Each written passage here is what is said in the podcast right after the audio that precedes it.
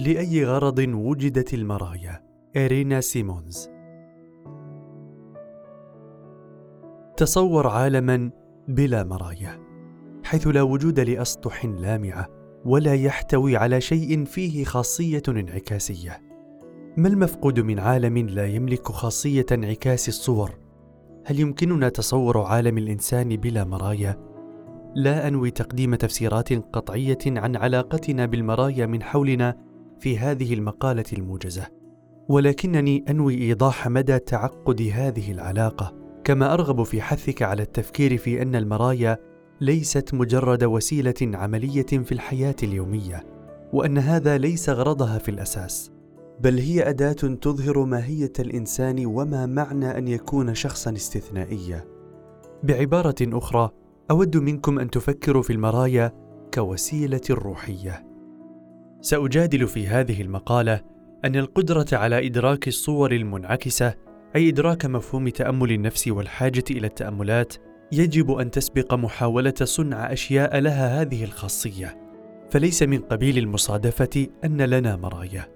إذ إننا لا ننظر في المرايا لأنها وجدت في مجال نظرنا عن طريق المصادفة فحسب.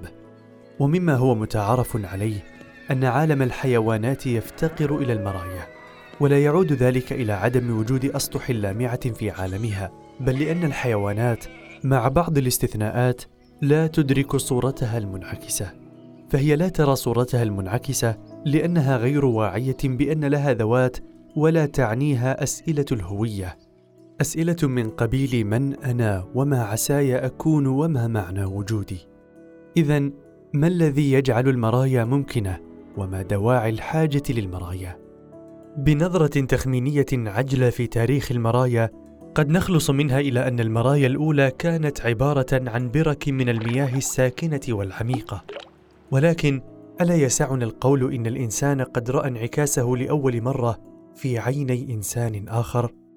أن ترى عينين موجهتين إليك يعني أن ترى نفسك منظورا إليها.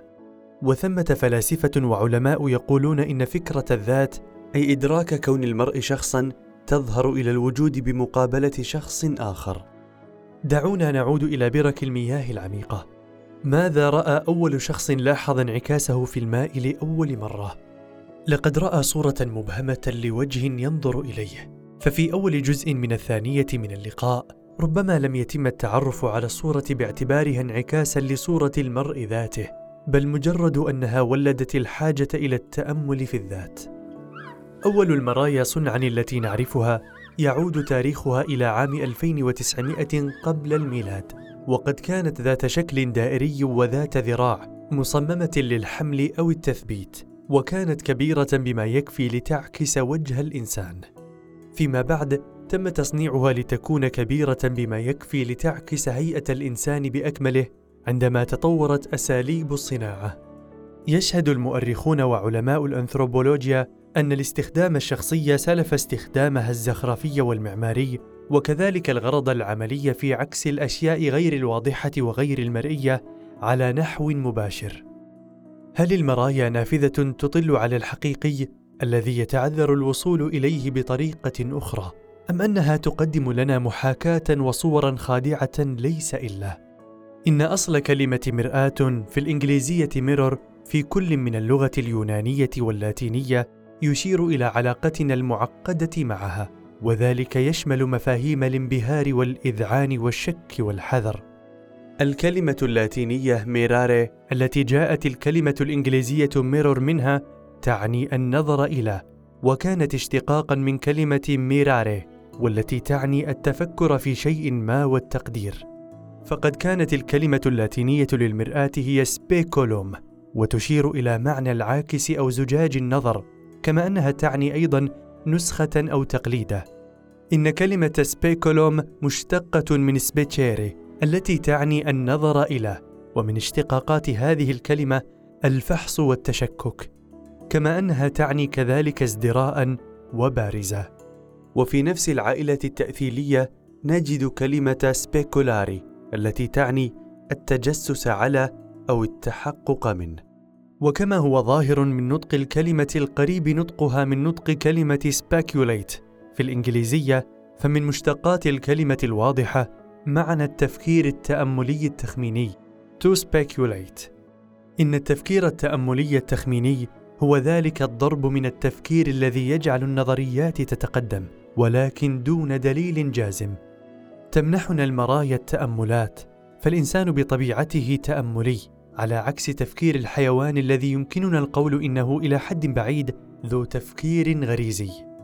إن التفكير التأملي يحرر الإنسان من الطبيعة ففي التفكير التأملي يتحقق المرء من محتوى أفكاره إذ يهدف التأمل إلى صناعة عالم فكري مكتف ذاتيا ومنفصلا عن عالم الحواس التجريبي وهو عالم ذو معنى خالص ولا يرتكز على المادة. بل على العلاقة المنطقية بين المفاهيم. لقد جادل الفلاسفة أحيانا أن هذا الواقع التأملي المثالي لا يتطلب وجوده وجود الواقع المادي. فعالم من التفكر التأملي المحض يحتوي على الحقائق الأساسية التي تصح في جميع العوالم الممكنة. هل انعكاس المرآة مشابه لواقع التفكير التأملي هل انعكاسات المرايا أكثر من مجرد صور منسوخة لأجزاء مادية؟ هل انعكاسات المرايا أكثر من مجرد مقتطفات لحظية ثابتة للعالم المادي والأجساد؟ هل يسعنا أن نرى في المرايا ماهيات مستقلة عن الأسطح المادية لوجودنا؟ هل تمتلك الانعكاسات قدرة الانفتاح على عالم روحي أعمق للذات؟ لو قادنا التفكير التأملي إلى جوهر وجودنا العقلاني أتستطيع المرايا أن تظهر لنا جوهر وجودنا الروحي؟ أتستطيع المرايا أن تظهر لنا ماهية ما وراء الأقنعة التي نضعها على وجوهنا بصرف النظر عن أسباب ذلك؟ أتستطيع أن تظهر لنا جوهر نفس المرء تلك النفس المستترة وراء الهويات التي يتبناها المرء لغيره؟ هل تحررنا المرايا من أقنعتنا الاجتماعية وتأخذ بيدنا ثم ترجعنا إلى أنفسنا. تصور أنك تمشي قرابة حائط من المرايا دون أن تدرك أنها مرايا وأن تستشعر وجود شكل يتبعك إلى آخر هذا الحائط. وعندما تلتفت ستكتشف أنها نفسك التي كانت ترافقك منذ البداية. لقد كان وجود نفسك وقد خبرته وكأنه حضور غريب يطاردك. إن المرايا تذكرنا على الدوام أننا لسنا شيئا واحدا مع أنفسنا أي أننا قد نجهل أنفسنا. هذه الأمثلة تذكرنا أننا لا نساوي دائما أنفسنا وأننا قد نسير بالتوازي معها. فالنظر في المرآة محاولة في النظر إلى عيني المرء نفسه وكأنه ينظر في عيني إنسان غيره شخص مجهول نظرة غير متحيزة بالكامل. تصور موقفا آخر. أنك تلمح نفسك لمحة مفاجئة عند الالتفاف والنظر للمرآة حيث لم تكن تتوقع وجود مرآة. ولجزء من الثانية لا تدرك أنها مرآة حيث ترى شخصا دون أن تدرك أنه أنت. من ترى؟ من هو ذلك الشخص؟ ما الذي يبدو عليه هذا الغريب بالنسبة لك؟ ما رأيك فيه؟ إن التفتيش عن انعكاسنا في المرآة ليس إلا رجاء أن تصفح الذات عن قصتها الحقيقية. قد يكون الأمر أنه كلما قلل المرء من محاولة بناء صورة للآخر تحسن تصالحه مع نفسه وزاد شعوره بالسلام والسيطرة على نفسه. أقول هذا لأنه يجب على المرء أن يجعل الصور التي يتصورها عن نفسه أساسا يبني عليه مواجهته للآخرين.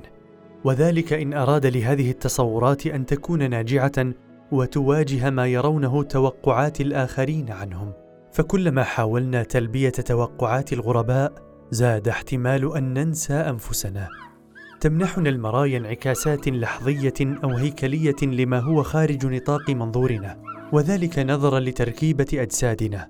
لكن هل هذا حقا ما يهمنا اولا عندما ننظر لأنفسنا في المرايا؟ أم أننا بالأحرى نتطلع للحصول على لمحة عن الجوهر غير المادي لأنفسنا وما يختبئ وراء كل هذا الجسد وخلف ستار التعبيرات وهي الأمور التي يستحيل أن تظهر في أي صورة.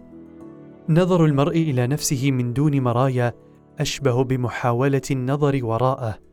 النظر إلى الوراء يعني النظر باتجاه شيء هو موجود هناك سلفا ولا يسعنا إلا الحصول على نظرة جزئية عنه. إن النظر إلى الوراء يعني النظر إلى توقعات ومثل المرء الجاهزة عن نفسه حيث يسقط اسقاطا منقوصا ما يريد المرء أن يراه وينفتح انفتاحا منقوصا على إمكانية أن يفاجأ ويمني النفس بتوكيد ما يحوزه مسبقا. في مقابل ذلك تمنحنا كل من المرايا وعيون الآخر إمكانية النظر إلى أنفسنا مباشرة في الوجه وتجنب الالتفاتة الدائرية. هل تستطيع المرايا أن تظهر لنا ما لسنا متأهبين لرؤيته؟ أم يمكنها فقط أن تظهر لنا إسقاط توقعاتنا؟ هل يمكن أن تظهر لنا المرايا شيئا لم نسقطه عليها؟ تقوم حاجة الإنسان للنظر في المرايا على البحث النبيل عن عالم أوسع وأعمق من الذي يمكننا رؤيته ولمسه مباشرة. ومع ذلك على سبيل المثال أسطورة نرجس أو نرسس. تعلمنا أن المرء قد يغرق بسبب انبهاره بالمظهر الخارجي لوجوده بمعنى أن المرء قد يغرق فيما قد يسقطه في السطح العاكس عن نفسه. لا ينبغي لوم المرايا على فشلها في عكس حقيقة أعمق كما أنها لا تستحق التمجيد إن فعلت ذلك. في حال عدم انتباه شخص ما لوجود المرايا فإنها تصبح مجرد شيء لا حول له ولا قوة. والمرايا لا تصبح أدوات تأملية إلا حين يلاحظها المرء الذي له قدرة التأمل وعليه. فإن قدرة المرآة على عكس الصور تتوسع بتوسع موقف المرء الذي يستعملها. في نهاية المطاف أداء كل أداة يعتمد على براعة مستعملها في العديد من اللغات نجد صيغا مختلفة لهذه العبارة. العيون هي مرآة الروح. ولعل المقصود بهذه العبارة أنه إذا أردنا معرفة روح شخص ما فإن أعينهم هي كل ما نحتاج إلى النظر إليه. لكن كيف يمكن للمرء أن يرى أرواحهم؟ ما الذي تنظر إليه عندما تنظر إلى انعكاسك في المرآة؟ هل تنظر مباشرة إلى عينيك؟ أم أنك تتجنب عينيك بالاهتمام والانغماس بمظهر وجهك؟ ماذا ترى عندما تنظر إلى عينيك المرئويتين هل تستطيع أن ترى نفسك تنظر إلى نفسك بالمقابل؟ إلى أي حد يمكنك أن تحدق في نفسك؟